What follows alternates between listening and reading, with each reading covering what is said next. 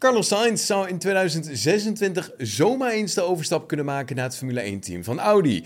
Volgens de geruchten uit de Zwitserse media zou de Spanjaard namelijk bovenaan het lijstje van Andreas Seidel staan. Audi treedt in 2026 officieel toe tot de Formule 1. En hoewel dat natuurlijk nog erg ver weg lijkt, zijn de voorbereidingen achter de schermen al in volle gang. Zo is Audi al een tijdje bezig met de ontwikkeling van de krachtbron, waarmee het in 2026 de baan op wil. En wordt de faciliteit in Duitsland flink uitgebreid. Daarnaast wordt er het nodige nieuwe personeel binnengehaald en wordt er volop gespeculeerd over de namen van de coureurs die achter het stuur van de twee Audi-wagens moeten gaan zitten. Volgens de Zwitserse krant Bleek staat niemand minder dan Carlos Sainz dus bovenaan het lijstje van Audi. En Seidel, de CEO van Saab Group, heeft tijdens zijn periode bij McLaren al heel veel samengewerkt met Sainz, waardoor hij dus precies weet wat hij aan hem heeft. Nou, daarnaast rijdt zijn vader ook al jaren voor Audi. Daniel Fiat heeft onthuld dat hij de eerste keuze was van Ferrari om Kimi Raikkonen te vervangen. De Rus legt uit dat hij in 2016 het aanbod van de Italiaanse renstal echter weigerde. En dat was slechts een aantal weken voordat hij werd gedegradeerd van Red Bull Racing naar Toro Rosso. Ik was heel goed aan het presteren. Ik had net weer een podium gescoord en toen had ik ook een voorstel gekregen van Ferrari om voor hen te racen als vervanger van Kimi.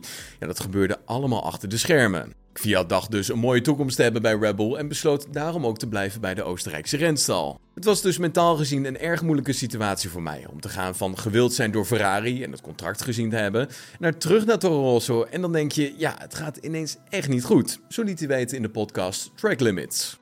Ja, dan weer terug naar dit jaar, 2023. Want over Ferrari gesproken. Afgelopen week spraken wij met Michel Blekemolen over de situatie bij Ferrari. Ja, en hij vraagt zich eigenlijk hardop af wat er nou zou gebeuren als Max in die Ferrari zou zitten. Ik denk dat Max toch, uh, die zet meteen de boel naar zijn hand natuurlijk. En dan uh, is dat in zo'n team toch meteen, iedereen gaat toch weer anders even nadenken. Eens een nieuwe rijder. En meteen eh, worden er allemaal ja, initiatieven genomen die misschien bij Leclerc niet uh, gedaan zijn. Ja, uh, maar het, het, zou wel een hele mooie stunt zijn natuurlijk. Halverwege het jaar. Zou Max dan uh, ook kampioen worden, denk je? Ik zou mijn geld erop zetten, ja.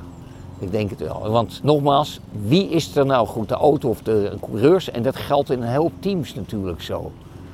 Want ja, zetten we Max in, een, in een McLaren, dan staat hij misschien midden in het veld of verder naar voren. Wie zal het zeggen? En twee Formule 1-coureurs krijgen de kans om de Formule E-auto's uit te proberen tijdens een rookie-test op 24 april. Felipe Drukovic van Aston Martin en Robert Schwarzman van Ferrari vliegen namelijk naar Berlijn om na de Berlijnse E-Prix deel te nemen aan de rookie-test voor Maserati en DS Penske. Ja, ook ik zal er dit weekend zijn. Niet om die rookie-test te rijden, maak je geen zorgen. Maar om de E-Prix in Berlijn te bezoeken. Daarom krijg je volgende week een uitgebreide special te zien tijdens de Goedemorgen GP-fans live show van de Grand Prix van Baku. Uh, daar krijg je helemaal te zien hoe ik het heb gehad tijdens de E-Prix in Berlijn.